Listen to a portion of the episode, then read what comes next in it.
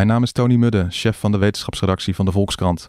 Ik zit hier in een kleine studio naast een nieuwsvloer die normaal bruist van het leven, maar die nu spookachtig leeg is.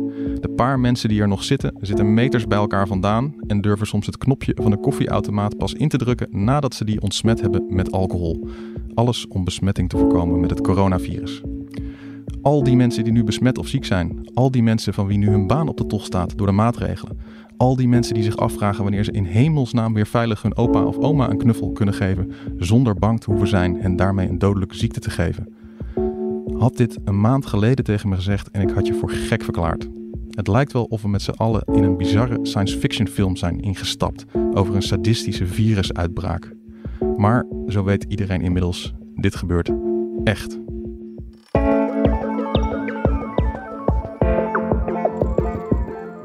Welkom bij Ondertussen in de Kosmos, de podcast van de wetenschapsredactie van de Volkskrant.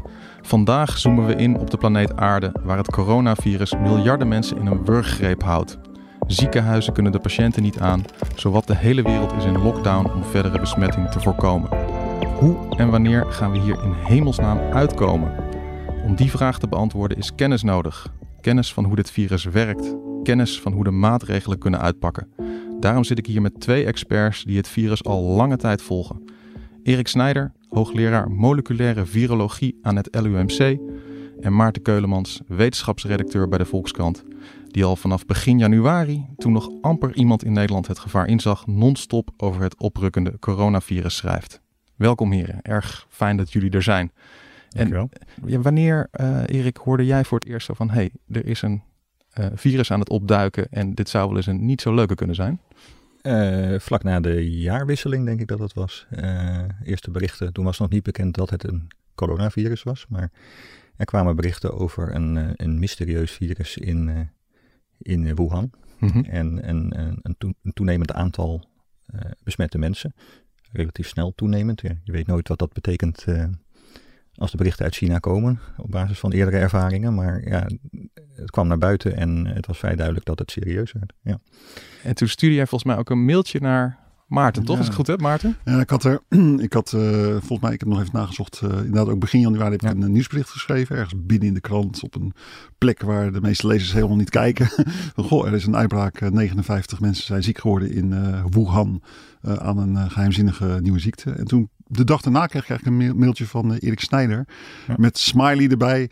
Uh, ja, het is weer, het is weer cor coronatijd. Uh, ja, nee, mailde je mij. Het was echt uh, prachtig. Een beetje spijt van nu. Maar het leek toen inderdaad vooral een interessant lokaal fenomeen. Zoals we dat natuurlijk eerder hebben gezien. En dan maakt het niet minder serieus. Maar toen was het echt nog een ver van een bedshow. Ook voor ons. En ja, de, ik denk dat ik je contact zocht toen de genoomsequentie, dus de genetische informatie van het virus, uh, bepaald was en uh, heel snel door de Chinezen online was gezet. Ja, en ja. ja. heel duidelijk werd meteen dat dit virus niet een beetje op het eerste SARS-virus lijkt, maar ja. echt heel dichtbij staat. Je had, je, je had inderdaad net die, die genoomsequentie ja, ge, gezien en daar was je heel enthousiast over toen, dat weet ik inderdaad. Nou ja, het is wel fascinerend dat, dat, dat je 80% gelijk, gelijke sequenties ziet aan de ene kant en 20% boeiende verschillen die in allerlei opzichten zich kunnen vertalen naar verschillen in hoe zo'n virus zich gedraagt. Ja. En, en even om het in perspectief te plaatsen. We hadden ooit dat, dat SARS-virus. Ja. Dat leidde toen ook nou, in een deel van de wereld tot, tot ellende. Ja, ja. Hebben we hier in Nederland heel weinig van gemerkt. Dus wat is er nu dan zo anders aan dit virus, zo ellendig, dat het zo tot zo'n wereldwijde ellende ik, lijkt? Ik, ik, denk dat vooral de wereld heel erg veranderd is. Het is 17 jaar geleden en um, de, de globalisering heeft in een, in is die voortgegaan. Uh, in, in, China, uh, als de getallen die ik heb gehoord kloppen, zijn uh, tien keer meer binnenlandse vluchten bijvoorbeeld dan in 2003. Ja. Er is een hoogsnelheidstreinnetwerk aangelegd wat allemaal de verspreiding van dit soort virussen kan bevorderen. En in dit geval ook denk heeft bevorderd. Dus toen kon je zo'n virus echt nog indammen en, en nu kan nou, dat, niet meer. Ja, Kijk, wetenschappers gaan niet af op N is 1. Hè? Ja. Nu ook N is 2 zegt niet zo heel veel, denk ik. Um, dat zal per virus uh, kunnen verschillen. En dat hangt zeker niet alleen van het virus af. Kijk, ik denk dat uiteindelijk de overdraagbaarheid van dit virus door de lucht een beetje ja, toch relatief vergelijkbaar is met SARS-1 en met een hoop andere virussen. Maar de lokale situatie waar het begint uit te breken, is bijvoorbeeld heel bepalend, denk ik. Hè. hoe druk bevolkt is het daar? hoe leven die mensen? Hoe makkelijk gaat het virus van persoon tot persoon? En hoe snel wordt het ontdekt en wordt er op, op ingegrepen? En bij SARS-1 is dat met kunst en vliegwerk en, en strenge maatregelen die eigenlijk een beetje vergelijkbaar met wat er nu in Wuhan is gebeurd, denk ik, is dat gelukt. Mhm.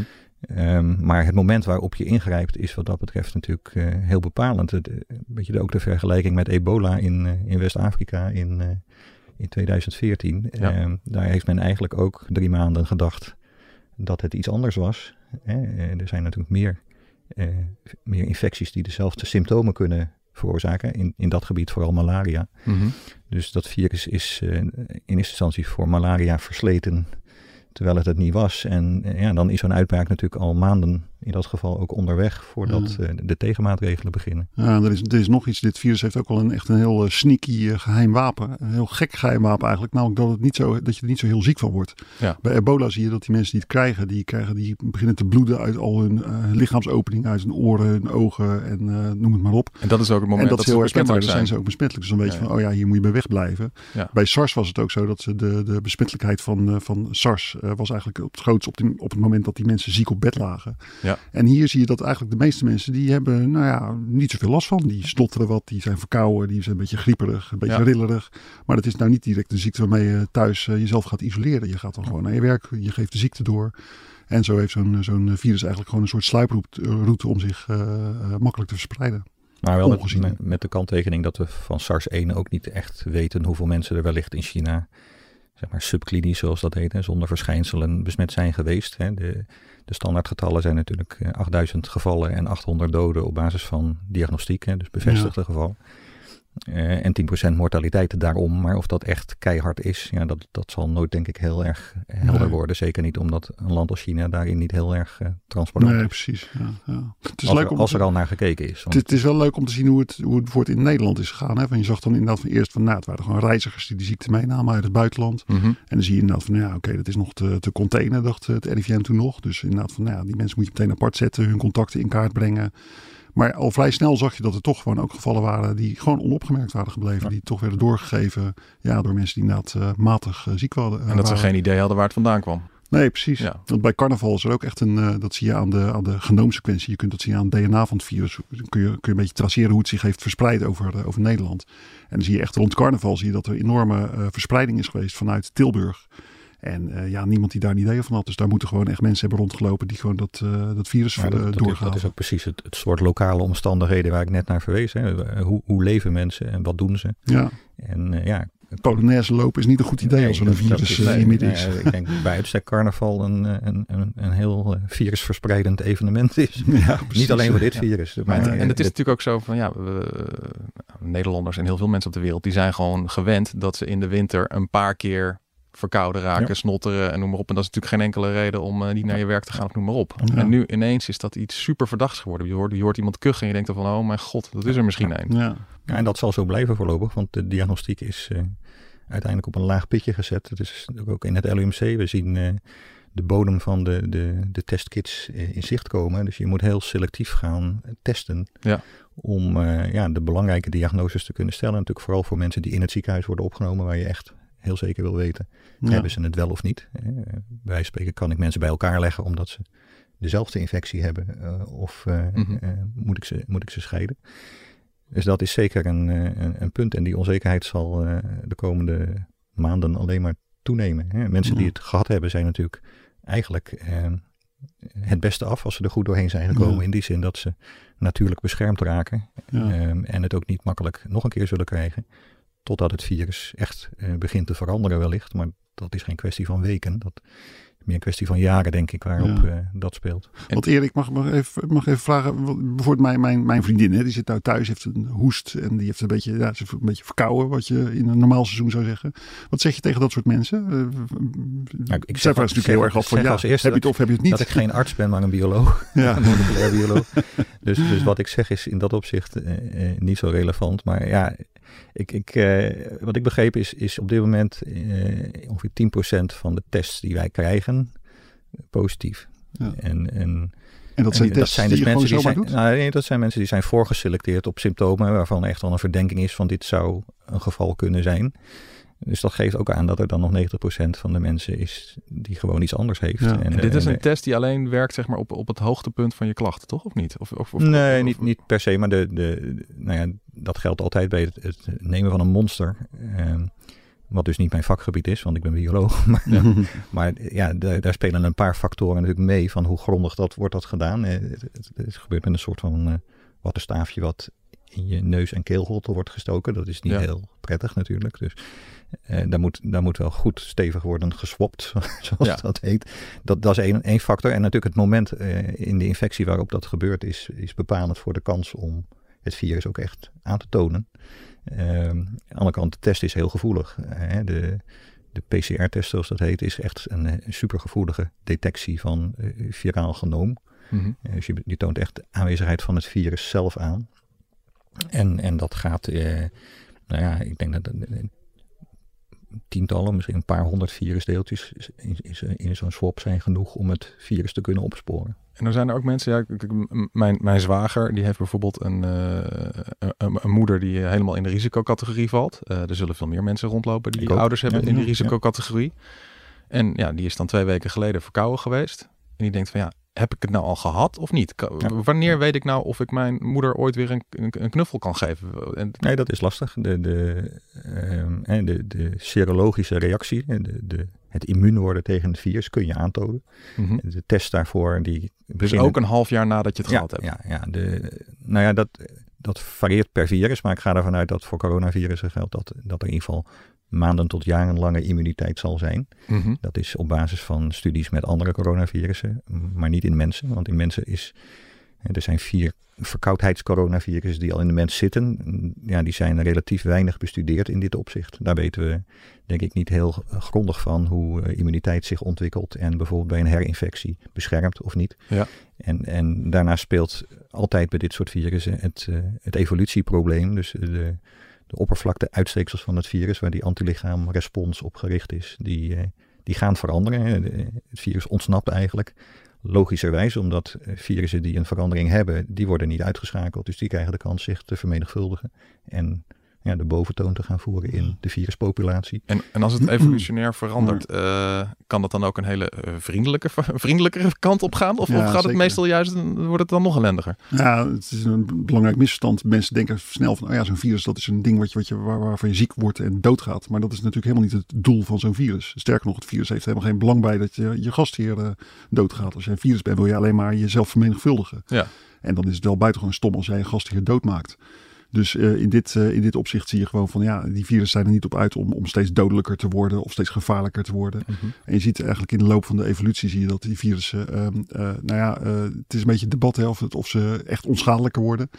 Maar nou, je ziet wel dat de gastheer en het virus ja. beter op elkaar ingespeeld raken. En, en, dat het gewoon minder gevaarlijk wordt voor de mens als geheel. Ik, ik denk dat dat de goede inschatting is. Dat, dat de virussen die zich al in de mens hebben genesteld en daar zijn er ook heel veel van afkomstig uit, uh, oorspronkelijk uit de, dieren, de dierenwereld. Dat uh, ja, er een soort van, van symbiose ontstaat, zou je bijna zeggen. Waar, waar uh, de mens ermee om kan gaan en het virus ja, zijn gang kan blijven gaan. Zich, zich voort kan blijven planten, mm -hmm. zoals dat heet. Wel, niet, niet, helemaal de goede term is voor een ja. virus. Daar moet ik mee uitkijken. Ja.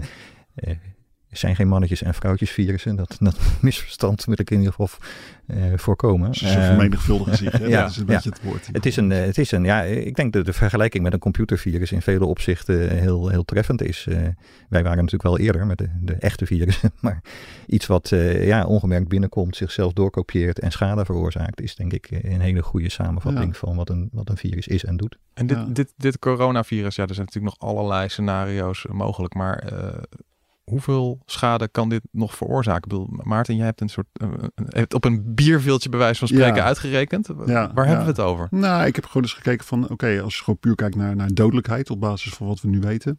Hm. Waarbij ik dan voorop moet stellen, is er een hele hoop wat we nog niet weten. Uh, en een van de grootste vragen is natuurlijk nog van, ja, hoeveel mensen krijgen nou echt het virus zonder dat ze er echt ziek van worden? Dat, is, dat gaat alles bepalen waarschijnlijk. Maar als je gewoon met de huidige gegevens gaat rekenen, dan kan je erop uitkomen van, in het beste geval, dan vinden we snel een vaccin, blijven nog uh, behoorlijk uh, sociaal isoleren van elkaar. En uh, nou, dan kom je uit op iets van, uh, van 2.500 doden. 2.500 doden. Ja, en, en, en, door en dit. om te perspectief te plaatsen, hoeveel mensen gaan er aan, aan de griep dood in een jaar? Eh, ongeveer 10.000 in een heel slecht seizoen. Als het echt een eh, behoorlijk eh, vervelend seizoen is. En het, Ja. het is, er zijn ook al seizoenen dat er iets van 5.000, 4.000 mensen doodgaan aan de, aan de Ja, griep. ik, ik, ik geloof zelfs seizoenen waarin het bijna, bijna niets is. Ja, ja. Dat, dat is Dan heb je al een, hele eh, milde griep, Ja, eh, ja, ja, ja, ja, dat ja. is... eh, Oké, maar dus, ja, dan, dan zouden we dus zelfs beetje, dat is een beetje orde grootte van... onder de normale griep kunnen blijven. gewoon, ja, dan is het een beetje de orde grootte van een, van een griep, zeg maar. Ja. Maar eh, ja, het, het slechtste geval kunnen we dat vaccin alsmaar niet vinden. En eh, blijft dat virus rondgaan. Eh, wat je, nou ja, die befaamde groepsimmuniteit waar iedereen het over heeft, die zou kunnen optreden bij als ongeveer de helft van de mensen eh immuun is. Groepsimmuniteit, overigens, dat is nog even heel snel. Mhm. Dat is het punt waarop een virus zich niet meer goed lekker kan verspreiden door een, eh, door een eh, bevolking. Omdat heel Omdat veel mensen heel veel hebben gehad en die zijn er immuun voor. Ja. Eh, nou, er zijn dus inderdaad, het RIVM die rekent met nou, ongeveer de helft van de bevolking moet eh, groepsimmuniteit hebben. Maar er zijn ook berekeningen waar, die ervan uitgaan dat 80% van de bevolking groepsimmuniteit eh, moet, moet hebben. Dus 80% van de mensen moet immuun zijn voordat het, die groepsimmuniteit ontstaat. Ja. Nou, als het 80% is, dan moeten dus heel veel mensen ziek worden. Dan gaan er ook heel veel mensen dood. En stel dat we dan het vaccin niet kunnen vinden. Ja, dan kan je in het ergste geval kun je uitkomen op ongeveer een half miljoen Nederlandse mensen die het niet overleven. Alleen in Nederland al Ja, een half ja. miljoen. En daarbij heb ik trouwens ook, daar ben ik ook van uitgegaan. Als je het gewoon een beetje op de achtergrond van een bierviltje berekent, ben ik ook van uitgegaan van ja, stel dat onze ziekenhuizen niet aan kunnen en inderdaad eh, ja, mensen niet allemaal in de intensive care eh, kunnen. Ja. Dus, eh, dus dat zegt, eh, in die bandbreedte zit het. Een paar duizend of een Maar half miljoen. maakt nogal uit, Maakt ja. nogal uit, ja. allemaal verschil, ja. En, en, in- en oké, even dat, dat horrorscenario van een half miljoen. zijn dat dan, dat is ook nog steeds erg natuurlijk, maar zijn dat dan eh 80-plussers die anders in de jaren daarna wel aan iets anders waren overleden? Of zitten Ja. daar ook allemaal ki- kinderen, jongeren, noem maar op tussen? Ja, op dit moment, ik, ik zag eh, gisteren nog een eh, presentatie van eh, Jaap van Dissel. Die had een technische presentatie in de Tweede Kamer. En die heeft daar cijfers ook gepresenteerd. En daar blijkt eigenlijk uit dat tot nu toe alle dodelijke slachtoffers in Nederland, dat zijn allemaal 65-plussers. Allemaal mensen die al oud zi- zijn, allemaal verzwakt zijn. ja, die gewoon eerder omvallen, zeg maar. Ja. En eh, ja, dus dat is, dat is inderdaad wel het beeld. Dat gewoon eh, de, de oude mensen, kwetsbare mensen, die, eh, daar komt die ziekte het hardst aan. En ook bij eh, mensen die een onderliggende andere ziekte hebben. Dus hartpatiënten, daar komt het heel erg eh, aan. Diabetici, die, eh, die hebben een veel, eh, Ja. flink verhoog, verhoogde overlijdenskans. Maar ook ja, mensen met immuniteitsproblemen soms. Hè. In de NUMC speelt dat bijvoorbeeld bij transplantatiepatiënten. Mhm. Ja. Die mensen staan op eh, immuunsuppressie om om afstoting van het donororgaan te beperken. Ja, dat is natuurlijk een hele slechte startsituatie voor eh, eh, het moment dat je geïnfecteerd raakt. Niet specifiek met dit virus, maar Omdat je in het algemeen. juist Ja. op volle toeren moet immuunsysteem heb je draaien. nodig om eh, die, die respons op te bouwen. En als dat onderdrukt wordt, ja, dan, dan moet je echt eh, een soort van koorddans eh, act gaan doen tussen suppressie aan de ene kant en immuniteit aan de andere. Ja. Dat is heel lastig. Ja. En, en de strategie waar eigenlijk de wereld eh, nu voor kiest. Ik bedoel, er, zijn, er zijn allerlei varianten met hoe streng zo'n lockdown dan is. Maar dat is zorgen dat die IC's niet, niet overstromen. Dat we niet te veel mensen tegelijkertijd binnenkrijgen. En tegelijkertijd proberen nog enigszins de economie draaiende te houden. En ondertussen is het maar gewoon bidden dat er snel een vaccin komt, toch? Dat is nu een beetje de Dat is strategie. een beetje het beeld, ja. ja, Ja, ja. ja. ik denk dat eh, een snel vaccin de, de beste hoop is. Eh, er zijn heel veel eh, initiatieven nu in gang gezet. Eh, en je kan vaccin op eh, verschillende manieren maken. Wordt een beetje een technisch verhaal dan, maar het draait uiteindelijk om dat spike-eiwit, dat uitsteeksel op het virusdeeltje, wat de- Mhm. het, het belangrijkste doelwit voor de immuunrespons is. Als je na- natuurlijk geïnfecteerd raakt, dan maakt je lichaam tegen dat spike-eiwit antistoffen. En we noemen dat neutraliserende antistoffen. Dat betekent dat die antistoffen binden aan het virusdeeltje als het in je lichaam binnenkomt. En door die binding aan het virusdeeltje kan het virus niet meer binden aan de cel en dus niet meer binnenkomen. En is het uitgeschakeld. Eh, en de kunstmatige manier om dat op te wekken is dus met een vaccinatie. Er zijn verschillende eh, strategieën denkbaar. Je, je kan vaccineren met wat we een, een levend verzwakt virus noemen. Dus dan hebben we een virus wat wel immuniteit opwekt, maar niet ziek maakt. Ja, precies. Ehm, dat, en de bekende voorbeelden daarvan zijn onder andere het mazelenvaccin.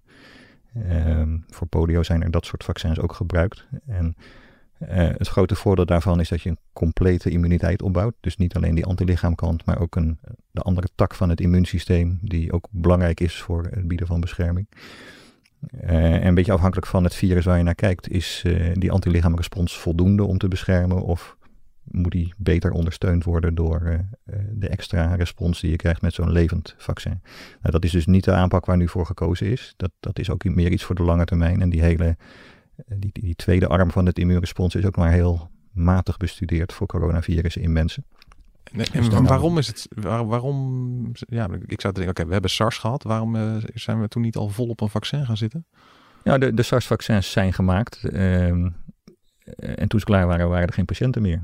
bedoel, dat is gewoon de, de, de simpele situatie. En, dus kon je het niet daarmee, testen? Daarmee verdwijnt de mogelijkheid om ze te testen. En natuurlijk ook de interesse uh, van uh, de, de, farmaceutische bedrijven om door te zetten en zo'n vaccin door te ontwikkelen en klaar te hebben liggen voor als dat virus, SARS-1, zou terugkeren. Wat, wat natuurlijk al die tijd ook gewoon een realistisch scenario is geweest. SARS-1 is teruggeleid, herleid naar vleermuizen in, in China. Mm -hmm. Tenminste, daar zijn zeer verwante, nauw verwante virussen aangetroffen. Het exacte SARS-1-virus is nooit uit een vleermuis gehaald. Maar als we aannemen dat dat daar ergens rondgaat, in die vorm of in een inmiddels geëvolueerde vorm, dan is de kans dat dat virus terugkeert nooit nul geweest.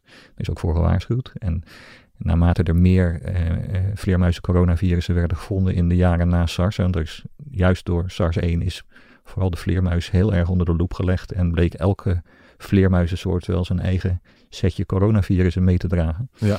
Dus, dus het, het scenario dat daar een hele, een hele uh, dierentuin, om maar zo te zeggen, aan uh, kandidaatvirussen uh, rondgaat die zouden kunnen overspringen naar de mens. En uh, ja, dat scenario is niet nieuw. De, de, de, de mensen die in de, aan deze virussen werken, hebben dat uh, steeds geroepen. En maar... ja, dan uh, tussentijd braken daar natuurlijk andere dingen uit. We hebben natuurlijk in de tussentijd Zika gehad en ebola en chikungunya en nog wat van die wereldwijde uitbraken. De knokkelkoorts, toch? Ja, ja, nee, dat is dengue. Nee? Dus oh, ja. speelt ook altijd mee. Maar de chikungunya en Zika zijn door muggen overgedragen uh, virusinfecties. Dus die zijn meer uh, door de, de soort mug die dan een rol speelt beperkt gebleven tot de tropische gebieden van, van de wereld. Maar Zika is eigenlijk heel langzaam vanuit Afrika de wereld overgegaan en kwam uiteindelijk in 2016 in het dichtbevolkte Brazilië terecht en explodeerde daar gewoon door de combinatie weer van veel muggen, veel mensen en veel virussen. En en nou is, is, het trouwens, is het, uh, want, want als dat SARS-virus, als er daar een vaccin tegen was en de patiënten waren op, is het dan niet gewoon een kwestie dat je gewoon weer de kast opentrekt en dat vaccin van toen eruit pakt en het nu gaat testen? Want nu zijn er wel ja, patiënten. Nou, dat, dat, dat, hangt heel, heel erg vanaf hoe, hoe erg het spike-eiwit van het nieuwe virus dan dus lijkt op het spike-eiwit van het eerste SARS-virus. En als je de, de genetische verwantschap bestudeert, zul je ook zien dat dat nou net het gebied is in het virus wat het meest variabel is. Dat is ook heel begrijpelijk, want uh, het virus uh, probeert te ontsnappen aan immuniteit. Dus alles, alles wat immuniteit opwekt zal van nature uh, meer variatie vertonen. En ehm, ja, ik denk, ik, ik weet niet of men het aan het proberen is. Ik denk dat de afstand te groot is. Er zijn hmm. nu wel wat antilichamen opgedoken. Hè. De, het, het, verhaal van de Utrechtse collega's en de Rotterdamse collega's die een, een SARS-1 antilichaam hadden nagemaakt, zou je kunnen zeggen, biotechnologisch gezien. Dat antilichaam blijkt uh, te kruisreageren met SARS-2 ja. en is daarmee dus potentieel ook bruikbaar om, uh, om mensen dus te behandelen. Dit was een antilichaam wat eigenlijk al uh, uit SARS, het SARS-1-onderzoek ja, kwam en die blijkt ook te werken op SARS-2. lag het gewoon in de vriezer en hebben ze nu snel de, uh, de, ik geloof dat er een stuk of 50 waren, 50 kandidaten gecheckt. En één van die 50, nou dat geeft het al een beetje aan, ja. één van die 50 kruisreageert en de andere 49 uh, dus niet. Ja. Nou, dat schildert een beetje de afstand tussen het spike-eiwit van SARS-1 en, en SARS-2. Ja. Even voor de totale lek, hoe, wer hoe werkt dat nou met zo'n zo'n zo'n antilichaam? Wat dan...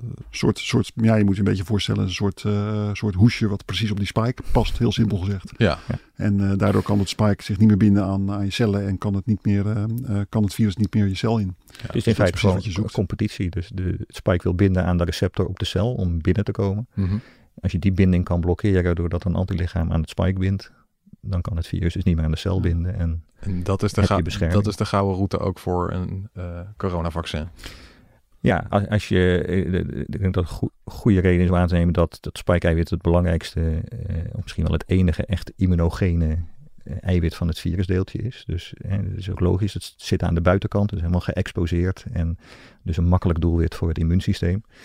Um, en het namaken van dat spike-eiwit op allerlei manieren is nu de basis voor de, de mm. vaccinstrategieën. Dus je, je kunt uh, uh, via verschillende technologische platforms dat spike-eiwit alleen, dus zonder dat er infectie aanwezig is, eh, in het menselijk lichaam inbrengen. Dat kan Hm. op een manier gewoon van ja, sp- spike opzuiveren zou je kunnen zeggen en inspuiten. Eh, je kan eh, eh, systemen gebruiken die het spike-eiwit in je eigen lichaam gaan aanmaken. Ja. Eh, maar het uiteindelijke effect is hetzelfde. Je, moet- je, je, je, moet- je moet een ja, voldoende niveau van dat spike-eiwit in het lichaam bereiken, zodat het immuunsysteem sterk genoeg reageert en dan die bescherming eh, na een week of zo eh, op orde heeft. Ja, want dat is het hele spel. Je moet je voorstellen, die, die, die spike-eiwitten, dat moet je zien als soort, eh, soort sleutels. En als jij besmet wordt met een virus, dan gaat jouw jouw afweersysteem die gaat ontzettend op zoek naar wat past er nou op die sleutel om het, om het te pakken. Die zoekt Ja. echt naar het juiste handvat om zo'n virus vast eh, te pakken. En op een gegeven moment, door, door gewoon, weet je wel, eh, jouw immuunsysteem, die, eh, als jouw immuunsysteem goed en gezond is, dan lukt dat op een gegeven moment. En dan vindt jouw immuunsysteem ineens meer, hey, zo kan ik het virus bestrijden. En dat, dat is gewoon wat er in de natuur gebeurt. Dan, eh, dan genees je langzamerhand. Ja. En ja, het idee is natuurlijk dat je gewoon het immuunsysteem eventjes helpt. Van, moet je kijken, zo ziet de sleutel eruit. Hallo, dit is de sleutel. Ga maar vast eventjes aan het werk. Ga Ja, het is, het is een soort geheugen hè, wat ontstaat. Ja. Dus bij een natuurlijke infectie, de eerste keer dat je kennis maakt met een, een, een nieuw virus voor jouw lichaam, een nieuw virus, dan ehm, kost het eh 1 à anderhalve week om dat immuunsysteem goed te activeren en die bescherming te organiseren. Maar er zit een soort geheugen onder, dat eh, de cellen die bijvoorbeeld die antilichamen maken, die blijven aanwezig.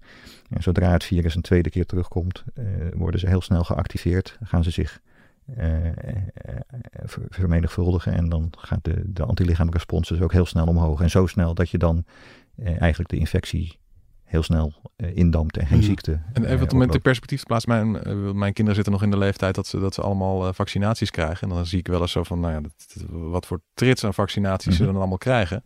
Nou, dat valt nog heel erg mee als je kijkt hoeveel virussen er Ja. zijn. ja, hela- eh, helaas. Ja, dan, dan valt het nog. Maar het Ja. zijn er toch best wel Ja. wat. Dan, Ja. dan denk ik van, nou oké, eh, hup. eh, Als nu de hele eh, wereldwijde eh, wetenschappelijke gemeenschap zich stort op een vaccin voor een coronavirus, dan eh, moeten we dat toch wel eventjes in twee maanden gefixt hebben. Of ben, Nou ja, ben ik denk nu dat hopeloos de optimistisch? vergelijking met ebola, de ebola-uitbraak in West-Afrika eh, wel, wel treffend is. De, eh, ook dat was een virus waar de aandacht voor was verslapt. Eh, ook omdat het vaak alleen maar lokale uitbraken van relatief kleine omvang eh, veroorzaakte. Mhm.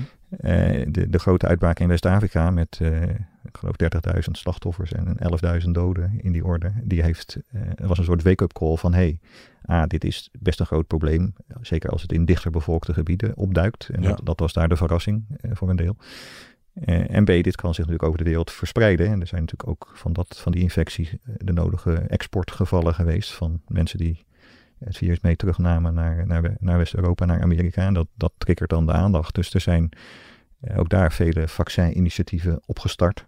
En er is inmiddels een, een, een redelijk goed werkend vaccin in gebruik. En er zijn nu weer nieuwe ebola-uitbraken weer in Centraal-Afrika.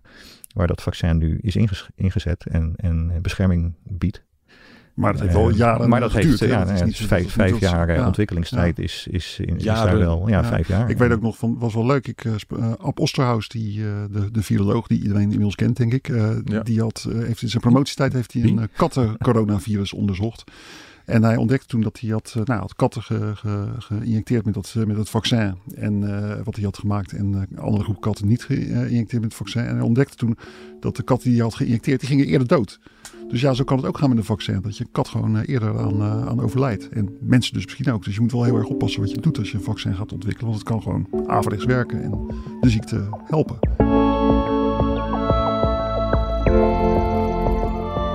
Tijd voor onze vaste rubriek Een Vraag Tussendoor. Eh, we hebben hiervoor een speciaal alwetend algoritme eh, geïnstalleerd. Die elke keer de uitzending beluistert en dan een toepasselijke vraag bedenkt. Die bij de lezers, in dit geval de luisteraars, excuus, zal leven. Eh, hier komt de vraag. Kun je nog veilig een winkelwagentje aanraken tijdens het boodschappen doen? Aha, de vraag deze keer is: eh, kun je nog veilig een winkelwagentje aanraken? Dat is zo'n beetje het enige waarbij wat mensen tegenwoordig nog mogen doen. Naar die supermarkt met z'n allen en al die handjes op die, op die winkelwagen. Gaat dat goed? Ik begin even bij Erik Snijder. En dat is een risico, dat is niet te ontkennen. Kijk, het winkelwagentje is een risico. Nou ja, wat nee, voor maatschappij zijn we beland? Kijk, als je, niet, als je niet in je elleboog, maar in je hand eh, hoest en proest. en vervolgens een winkel- winkelwagentje vastpakt. dan Ja. is daar een risico. Ik zal niet zeggen dat het heel groot is, maar wel een risico aanwezig dat daar infectieus virus op achterblijft. En dat zal de volgende persoon dan ook aan zijn handen krijgen. Dus ik denk uh, hygiëne buiten de deur heel belangrijk is. Dat je misschien zelf je spullen mee moet nemen om dat ter plekke te regelen. En dat ook een winkel natuurlijk de verplichting heeft om, om dat frequent schoon te maken. niet alleen de wagentjes, ook de handscanners en al dat soort dingen waar, die van hand tot hand gaan. ja, want Maarten, had toch al eens. wat onderzoek op een rij gezet hoe lang zo'n zo'n virus gewoon op een toetsenbord of op een oppervlak kan overleven. Waar hebben we het dan over? Is, er is zelfs nu net weer een uh, nieuw onderzoek uh, verschenen. Waarin ze in een laboratorium hebben gekeken van nou oké, als je dat virus op een, uh, op een stuk glad plastic gooit, hoe lang blijft het dan leven? Dus à la het handvat van een winkelwagentje. Mm -hmm. En dan zie je dat het nog dagenlang ja, aantoonbaar aanwezig blijft. Dagenlang? Ja, nou is dat wel wat anders dan dat je ook jezelf daarmee kan besmetten. Want dat is eigenlijk in een ideaal experiment zou je dan ook gewoon een van de proefdieren moeten nemen en kijken of, die daarmee, of je hem daar nog mee kan besmetten na drie dagen of zo. Uh, dat hebben ze niet gedaan, dat onderdeel. Dus het is altijd wel uh, ja, de experts die ik erover spreek. Erik Snijder is er een van, maar ik heb ook in Rotterdam gesproken met Erik van Gorp, een viroloog. En die zegt ook van ja, weet je, dit is wel gewoon de, de, de minst belangrijke route van de overdracht. Het belangrijkste blijft toch gewoon ja, ja, dus elkaar gezicht Daar ben ik het ook absoluut mee eens. Alleen, maar het, kan het, wel. het is niet zo zwart-wit en, en, de overleving van het virus buiten het lichaam is heel uh, afhankelijk van de, de condities. Hè. Ja. We hebben zonlicht en temperatuur al genoemd.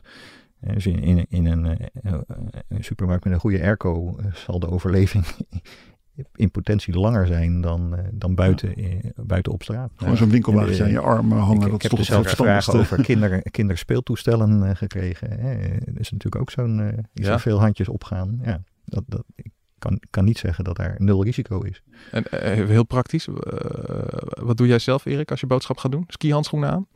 ik heb geen tijd om boodschappen te doen sinds uh, midden januari eerlijk gezegd. ik, moet dat, ik moet dat uitbesteden en ik weet dat Yvonne die dat voor mij doet daar heel secuur in is en daar goed over nadenkt. Ehm, met handschoentjes? Of, Nee, niet met handschoentjes, maar ja, ik denk dat het gebruik, het, het vaker wassen van je handen of desinfecteren of wat voor manier dan ook, is gewoon een nuttige bijdrage aan uh, het voorkomen van ongelukjes in dit opzicht. Maarten, jij, als je boodschappen gaat doen?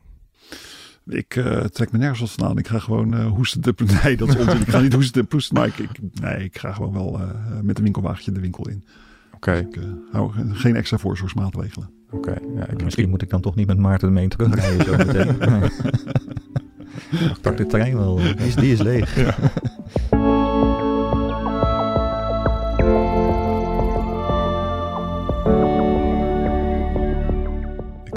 Voorstellen dat uh, de medische ethiek met wanneer gaan we iets testen op mensen, dat het in dit soort tijden toch een ander verhaal is dan uh, wanneer het virus nog niet zo ja, maar mondiaal de Tuurlijk, maar ja, als, als, als je een vaccin hebt waar mensen gewoon echt aan doodgaan, ja, dat is toch wel een beetje, dat, dat, dat kun je niet zomaar doen. Reclame, is, nee. Ja, precies. En weet je, je hebt het ook met vaccins, heb je het al snel over hele grote groepen mensen. En dan ja. bijwerkingen die normaal heel zeldzaam zijn, die ga je dan gewoon echt uh, in grote getalen zien. Ja, ja. Kijk, dus de standaardroute voor vaccinontwikkeling, er werd altijd gezegd dat kost gewoon tien jaar. Juist vanwege die stapsgewijze uh, testen. Natuurlijk eerst het, het ontwikkelen van het prototype dierproeven om te zien of het werkt. Uh, ja, dierproeven doorvertalen naar de mens is altijd lastig. Je weet nooit of dat exact weergeeft hoe het in de mens werkt. Dus eh, men begint dan met kleine groepen vrijwilligers gewoon te immuniseren, te kijken of er een respons is eh, en of er bescherming ontstaat. En ja, inderdaad, de, de meer zeldzame uh, bijwerkingen of, of, of, negatieve uitwerking, die zul je alleen vinden als je echt naar grotere groepen gaat. Ja, en dus, natuurlijk is dat als een, dus één op de honderdduizend een nare bijwerking ja, krijgt en je gaat dit aan de hele wereldbevolking geven, dan gaat het natuurlijk heel hard. Maar er, er, zit natuurlijk een spanningsveld tussen de, de gezondheidscrisis nu, de, de public health crisis waar we in zitten. En, en die termijn waarop dat rustig en goed doordacht ontwikkeld kan worden. En ja, de neiging om, uh, om daar bo uh, bochtjes af te snijden, die zal ontstaan. En is ook heel begrijpelijk en misschien wel terecht. Dus er zal heel uh, goed gekeken moeten worden naar uh, ja, wat, wat is wel essentieel en wat is misschien minder essentieel. Ja. En, en, hoe weeg je de, de voor's en tegens af. Ja, want het is wel zo, ze hebben na uh, ebola hebben ze een, een, conglomeraat opgetuigd van bedrijven met, met universiteiten samen. Uh, om inderdaad die vaccinontwikkeling heel erg te versnellen. En het idee is dan dat je, dat je zeg maar bepaalde onderdelen van die vaccinontwikkeling, als je een bepaald molecuul hebt en je hebt het al eens een keertje getest op dieren, dat je dat niet opnieuw hoeft te doen. Ja, precies. Dus, ja. dus probeer het langs gestandaardiseerde routes proberen ze dat heel erg te versnellen. En ze hadden dus inderdaad ook beloofd van, nou ja, we hebben gewoon voor uh, eind april hebben wij het eerste vaccin tegen het nieuwe coronavirus. En dat lijkt ook te lukken. Hè? Ja, ja Gewoon en, maar dat, heeft dus ook te maken met die keus voor een... een Eind april, dat zou Ja. volgende maand Maar worden. dat is dus niet een vaccin wat jij en ik al kunnen inspuiten. Maar gewoon ja, dat Ja. een vaccin wat klaar is om te testen op mensen, zeg maar. Dus dat is al, Ja, ja. en Maar dat, dat- is al heel snel hè, in, dit, in dit wereld. Ik snap het trouwens wat minder goed met die antistoffen uit Utrecht. Dan hadden dus inderdaad gewoon antistoffen gemaakt. Die Mhm. inderdaad pasten op dat, op dat spike-eiwit van SARS-2. Ja. En eh, nou ja, dat, dat zijn gewoon antistoffen die je gewoon heel makkelijk kunt maken. Daar snap ik niet van. Dat is niet echt een vaccin. Dat is gewoon een soort, soort geneesmiddel zou je zeggen. Waarom, waarom een- moet dat dan zo lang duren? therapeutisch vaccin. Hè? Dus je hebt, Ja. dan wordt het erg, eh, erg veel vaktermen misschien, maar profilactische vaccins, dat wil zeggen vaccins die je van tevoren gebruikt, dus voordat er iemand besmet is, die wekken de immuniteit op die beschermt als het echte virus eh, langskomt. Een therapeutisch vaccin is iets wat je dus gebruikt om iemand te behandelen die al ziek is. Ja. En dat zou dus in dit geval kunnen. Die antilichamen, als je die in een besmet persoon inspuit, gaan die hetzelfde doen wat, Ja. wat, wat de natuurlijke immuniteit anders zou Ja. doen. En je kunt dus eh, in ieder geval de vermenigvuldiging van het virus in de patiënt en waarschijnlijk ook de verspreiding van het virus vanuit die patiënt Ja. eh, beperken Maar- met, maar- met die aanpak. Maar daar vind ik zo gek, want toen dan denk je van nou, dat is toch simpel, geniaal, hup, inzetten dat Ja, maar En dit- als ik dan het- die mensen bel in Utrecht, dan zeggen zo ze van nee, simpel dat gaat nog heel eh, lang duren. Het is niet Dus zo waarom- simpel en ook niet zo goedkoop volgens mij om daar miljoenen doses van te maken. Dat is één. En het, het probleem van ontsnappen, dus het ontstaan van virusvarianten die niet meer worden uitgeschakeld door zo'n antilichaam, blijft ook spelen. Dus je moet ook daar eigenlijk met een soort van cocktail van dat soort antilichamen gaan werken om de Anders, kans op dat soort problemen te beperken. muteren ze en dan... Dus eigenlijk eh, zijn ja. er nog eh, een aantal groepen nodig die ook zo'n antilichaam in de vriezer hebben liggen. En als je die bij elkaar brengt, heb je misschien iets wat eh, voor kleine aantallen personen. En je moet dan echt denken aan misschien beschermen van frontlinie eh, mensen. Dus mensen in de gezondheidszorg die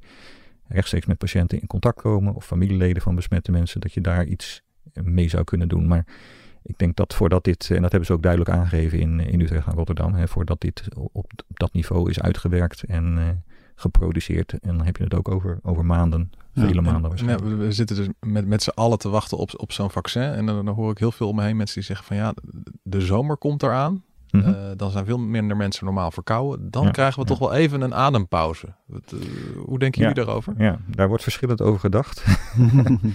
Ehm, zonder meer, ik bedoel, daar is geen twijfel over. Een virusdeeltje is gevoelig voor eh, uitdroging, voor eh, UV-licht, dus zonlicht. Mhm. Eh, dus, dus het overleven van het virus buiten, in, in de vrije natuur zou ik maar bijna zeggen, zal beïnvloed worden door de zomer. En, en voor ons in goede zin.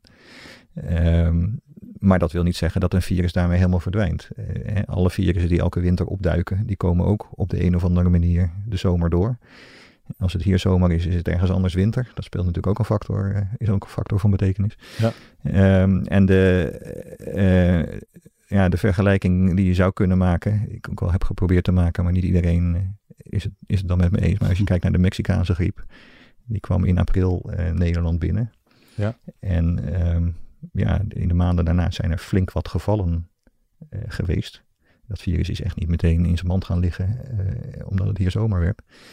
Daarna kwamen er nog meer gevallen in, in november, december, eh, toen, toen de, de winterperiode weer aanbrak. Dus ja, het zal moeten blijken. Ja. Ik denk, ik, denk eh, ik, ik heb goede hoop dat het meehelpt om het in te dammen. Eh, maar of het bijvoorbeeld zover meehelpt dat je daar dan kan zeggen van oké, laat alle Ja. maatregelen die we nu hebben maar, maar varen. Ja, dat zal echt nog eh, moeten blijken. Plus dat dit eh, virus is ook nog eens een keertje een stuk eh, besmettelijker dan, dan de griep. Dus dat, wil, dat maakt ook nog wel uit. Het argument is heel Ja. snel gemaakt van ja, alle luchtige infecties die we kennen, die doven eigenlijk uit als het mooier weer wordt. Ook Ja. trouwens deels ook omdat mensen dan gewoon minder bij elkaar op een kluitje zitten. In allemaal eivolle treinen en bussen en zo. Gaan mensen weer op de fiets namelijk. Maar eh, ja, of het voor dit virus geldt, het is puur koffiedik kijken. Het is, je moet ook beseffen, het is ook een, gewoon een heel nieuwe ziekte. Hè? Dat is, het is, iedereen vergelijkt het met de griep op een of andere manier. Van, ah ja, Mhm. dat, dat kennen we. Ja, Maar we hebben geen referentiekader hiervoor. Het is echt een nieuwe ziekte. En ja, wat dat Nou, de, vergelijking doen, met de griep is, is, is wel zinvol, omdat ook qua eh, virusdeeltje, dus het soort de bouw van het virusdeeltje, eh, de kwetsbaarheden van zo'n virusdeeltje, die zijn wel redelijk vergelijkbaar eh, tussen coronavirussen en griepvirussen. Dus Ja. ik denk dat we aan, aan de gang van zaken rond griep wel een klein beetje houvast hebben. Maar hoe, hoe, Maar die seizoensgebondenheid. Ja, dat, dat, dat moet, nu, Ja. moet nu echt gaan blijken, denk Ja. ik. Ja. Gaan we nu naar, ik bedoel, de, de, de, de griep die is al, al decennia lang onder ons. Mhm. En dan krijgen kwetsbare eh, groepen, die krijgen dan eh, elk jaar halen die een griepprik. Om zeg maar de laatste variant, om daar eh, wat, wat weerbaarder tegen te worden. Gaan we naar een wereld toe waar we op, een gegeven moment bovenop dat hele, die hele grieplogistiek, dus dan ook een eh coronaviruslogistiek krijgen? Met haal elk jaar Nee, maar weer je nee, nieuwe coronavirusprik? Nee, nee, dat is wel echt een heel ander scenario. Kijk, de griepvirussen, daar is een eh, ontzettend groot reservoir voor, zoals we dat noemen, in de dierenwereld. Mhm. Onder andere in, eh, of vooral eigenlijk in watervogels. Ehm, daarnaast is het griepvirus heel makkelijk over te dragen van die vogels naar varkens, naar mensen. Is een heel, heel scala aan gastheren. Eh, dat maakt zo'n zo'n virus eigenlijk heel moeilijk te bestrijden, want je kan niet alle vogels inenten. Eh, dat, Nee. Zo werkt het niet. En daar is ook wel een heel belangrijk verschil te maken tussen de, de, de griepvarianten die de mens kunnen infecteren en de talloze varianten die dat niet of heel af en toe doen. Hè. De, de, de vogelgriep, zoals het wordt genoemd, gaat over eh, griepvarianten die incidenteel de mens besmetten. Waar men bang is dat ze vervolgens zich zullen aanpassen aan de mens en zich dan, net als dit virus, Van mensen heel snel zouden kunnen gaan verstre- verspreiden. En collega eh, Ron Fouché in Rotterdam is, eh, is daar in Nederland eh, heel veel mee bezig. En ja, dat is een, een vergelijkbaar risico. En ja, met de Mexicaanse griep, waar eigenlijk zo'n evenement zich heeft afgespeeld, hebben we een beetje geluk gehad, zou je kunnen zeggen. Want de, de impact op de mens viel uiteindelijk redelijk mee. Ja. Bij SARS 1 hebben we geluk gehad. En ja, bij SARS 2 hebben we nu duidelijk eh, eh, Geen pech. Nee. Nee. Ja. Maar hoe zie jij dat dan als het inderdaad niet een, eh, een seizoensinenting wordt? Want je zegt zelf al van Nou ja, dit, dit, dit- veranderen. Natuurlijk, hè, als er een SARS 3, 4, 5 komt, is het een ander verhaal. Ja. En, en dat is natuurlijk nu nog steeds heel moeilijk in te schatten wat nou de frequentie is waarmee dit eh, probleem zou kunnen ontstaan. Dat hangt natuurlijk ook vanaf hoe we vanaf nu omgaan met eh, de wereld, met eh, de, dier, de dierlijke bronnen waar dit nu uitgekomen is. Eh, maar als dit virus eenmaal rond is gegaan en iedereen uiteindelijk immuun is, hè, het heeft gehad, dan is er geen reden om, om in te enten. Tenzij er varianten zouden ontstaan die zo afwijken van het huidige virus dat ze opnieuw mensen zouden kunnen gaan besmetten. Ja. Maar dan is het denk ik wel eh, ver om de vergelijking met die, die vier verkoudheidsvirussen te gaan maken. Hè, waar waar ja, waarschijnlijk al eeuwen geleden die oversprong ook is gemaakt. Natuurlijk in een andere wereld, misschien veel minder explosief dan nu. Mhm. Maar waar we zien dat die eh, virussen eigenlijk zonder al te grote complicaties rondgaan. Eh, ja, oké, je houdt er een, eh, een snotneus aan over. Maar dat is geen reden voor vaccinontwikkeling. Kijk, als dat het criterium wordt, dan hebben we nog heel veel vaccins te maken. Want er zijn tientallen virussen die dat elke winter Ja. veroorzaken. Het, eh, tot slot, we hebben het eh, al even gehad over het worst case scenario. Eh, dan, dan, is, nou, dan zitten we nog maanden, misschien wel jaren met grote Ja. beperkende maatregelen voor de maatschappij. Social distancing, noem maar op. En dan gaan er nog steeds behoorlijk veel mensen dood omdat die IC's het amper aankunnen. Mhm. Wat is het meest positieve scenario om met een positieve noot te eindigen voor de mensen die nu eh, thuis zitten, Ja, vrezen voor hun baan niet- of vrezen voor hun eh, voor de dat gezondheid is niet, van. zo, niet zo moeilijk. Dat is eh, natuurlijk een, een snel vaccin, succes. Ja. En, en eh, ja, dan hangt ook vanaf welk type vaccin dat is. In, in de zin dat, eh, hoe snel kun je dan honderden miljoenen doses van zo'n vaccin eh, gaan maken. Mhm. Dat is natuurlijk ook nog een, een logistieke uitdaging. Want een vaccin maken doe je niet in je garage. Daar zijn echt wel hele specifieke faciliteiten voor nodig. En, en die, eh, ja, dan, dan zal de, de gezamenlijke farmaceutische industrie moeten zeggen: Oké jongens, dit is het vaccin wat het moet worden. En dat gaan we dan ook met z'n allen maken. En zo snel mogelijk beschikbaar stellen. En dan nog zal er een, ja, een overgangsfase zijn waarin gekozen moet worden. Eh, wie mogen als eerste gevaccineerd worden en, en wie moet even wachten. En En st- en stel, een, een farmaceut heeft dat vaccin. Eh, nou ja, de, de, de reputatie van farmaceuten is dat ze, als ze iets hebben, eh, iets zeldzaams, dat ze daar de hoofdprijs voor vragen. Nou, Kunnen ze ik- dat in nee, dit geval ook ik doen? niet zo, Zoiets niet van, zo bang voor. Ik denk, 10.000 per vaccin, kom maar door. Nee, 10.000 nee, euro? nee, nee. Kijk, ik, ik denk, ik denk ehm, natuurlijk dat soort kritiek is er. Ehm, het is nou eenmaal de wereld die we hebben gemaakt rond eh geneesmiddelenindustrie. Mhm. Het hebben we ook een beetje laten gebeuren natuurlijk. Ehm, ik, ik, ik denk dat heel veel vaccinbedrijven hier nu instappen, eh, wetende dat de kans dat, dat zij de hoofdprijs hebben, om het maar zo te zeggen, dat hun vaccin het, het gelukkige gekozen vaccin zal zijn, eh, heel klein is. En dat ze dus in, in essentie er een, een hoop geld op zouden kunnen verliezen. Ik Ja. denk dat er En dat, dat geloof ik wel oprecht, dat heel veel bedrijven nu ook zeggen van ja, de wereld heeft ons nodig, we gaan doen wat we kunnen. En we gaan nu niet ons heel lang afvragen of, of de kans heel groot is dat dat in ons geval wat gaat opleveren. Ja. Uh, het gaat nu toch wel een beetje om eh, de handen ineens slaan en, en, en er tegenaan. En ja, wat mij natuurlijk vooral uh, veel, veel spijt oplevert nu, is, is dat dit risico er was en voorzien had kunnen worden. En dat we ja, voorrang hebben gegeven aan andere dingen. Investeren in dit soort onderzoek en, en klaar zijn om iets, uitspraak als deze te bestrijden, is een soort van verzekeringspremie die je eigenlijk moet betalen als, als maatschappij, als regering, als internationale gemeenschap. En, en hadden bij die eerste SARS-golf, ook toen die uitdoofde, hadden we er veel meer bovenop moeten zitten met geld en onderzoek om ervoor te zorgen dat je gewapend bent voor de volgende golf. specifiek voor coronavirus. Hè. De, de, de, we hebben projecten gedaan, Europese projecten, waarin we echt uh, tien virusfamilies naast elkaar hebben gezet, die allemaal de potentie hebben om dit soort uitbraken te veroorzaken. Ik denk zelfs dat we wat dat betreft ook nog een soort, uh, ja, gek om te zeggen nu, maar een soort mazzel hebben met dit coronavirus. In de zin dat het, dit, dit valt nog mee. Het kan allemaal veel, veel erger. Uh, we hebben in 1997 in Hongkong is een, uh, een vogelgriepvirus, bleek de mensen te kunnen besmetten. Ging mm -hmm. ook van mens op mens om. Toen zijn ze zich rot geschrokken, want het was een, een griepvariant waar één op de vijf mensen aan uh, dood ging. Eén op de vijf? Ja, dus waanzinnig. Nou ja, als dat, toen hebben ze op Hongkong hebben ze gewoon alle vogels geruimd. Het, uh, het is echt een ongekende operatie. Het is een beetje een vergeten hoofdstukje. Maar ja, dat zijn de risico's. Hè. Denk aan ebola, waar de helft van mensen aan, uh, aan dood gaat. Nou ja, oké, okay, ebola is nu nog controleerbaar omdat je het zo zichtbaar is. Maar je zal inderdaad maar een soort combinatie hebben van ebola met mazelen, wat zich door de lucht kan verspreiden. Dat is iets wat super besmettelijk en super dodelijk is. We hebben natuurlijk ook nog ja. een, een coronavirus waarschuwing gehad sinds uh, tussen SARS 1 en 2. Dat was het MERS-virus. Ja. Wat in 2012 ook opeens opdook en uit dromedarissen blijkt uh, te komen. Uh, en gelukkig een heel zwak virus is. Dat verspreidt zich heel slecht. Alleen omdat er zoveel dromedarissen positief zijn, komt het steeds opnieuw de menselijke uh, populatie binnen. Leidt dan tot een, een, lokale kleine uitbraak en dan dooft dat uit. Hè. Dus mm -hmm. die, die R-not, die, die transmissie van dat virus, zoals dat genoemd wordt, is daar duidelijk onder de 1. Dus één patiënt maakt minder dan één nieuwe patiënt. Dus dan dooft een infectie uit. Um, maar dat was wel een waarschuwing dat SARS niet het enige virus was. SARS 1. Ja, ik, ik vergeet is niet MERS uh, dodelijk in uh, 30% van de gevallen. Eén op de drie keer uh, je dood aan. En het is ook zo'n longziekte. Dus dat is, ja, wat dat betreft hebben we nog geluk. Ik sprak wel eens een, een, een, een dijkenhoogleraar en die zei van ja, een bekend motto in onze wereld is uh, geef ons uh, elke dag ons dagelijks brood mm -hmm. en af en toe een flinke watersnood.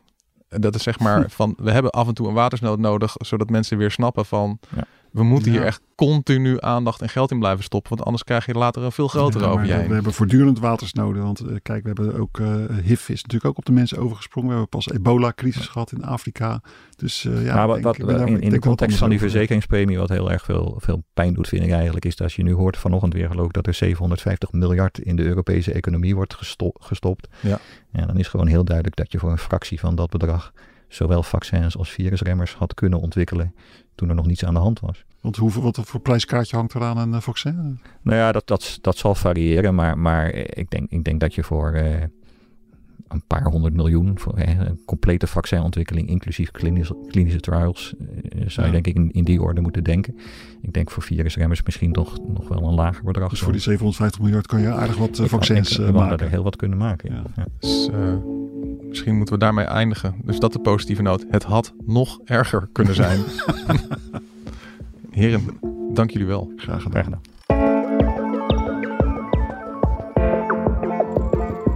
Dit was Ondertussen in de Kosmos, de podcast van de wetenschapsredactie van de Volkskrant. Hartelijk dank aan mijn gasten Erik Snijder, hoogleraar moleculaire virologie aan het LUMC en Maarten Keulemans, wetenschapsredacteur bij de Volkskrant.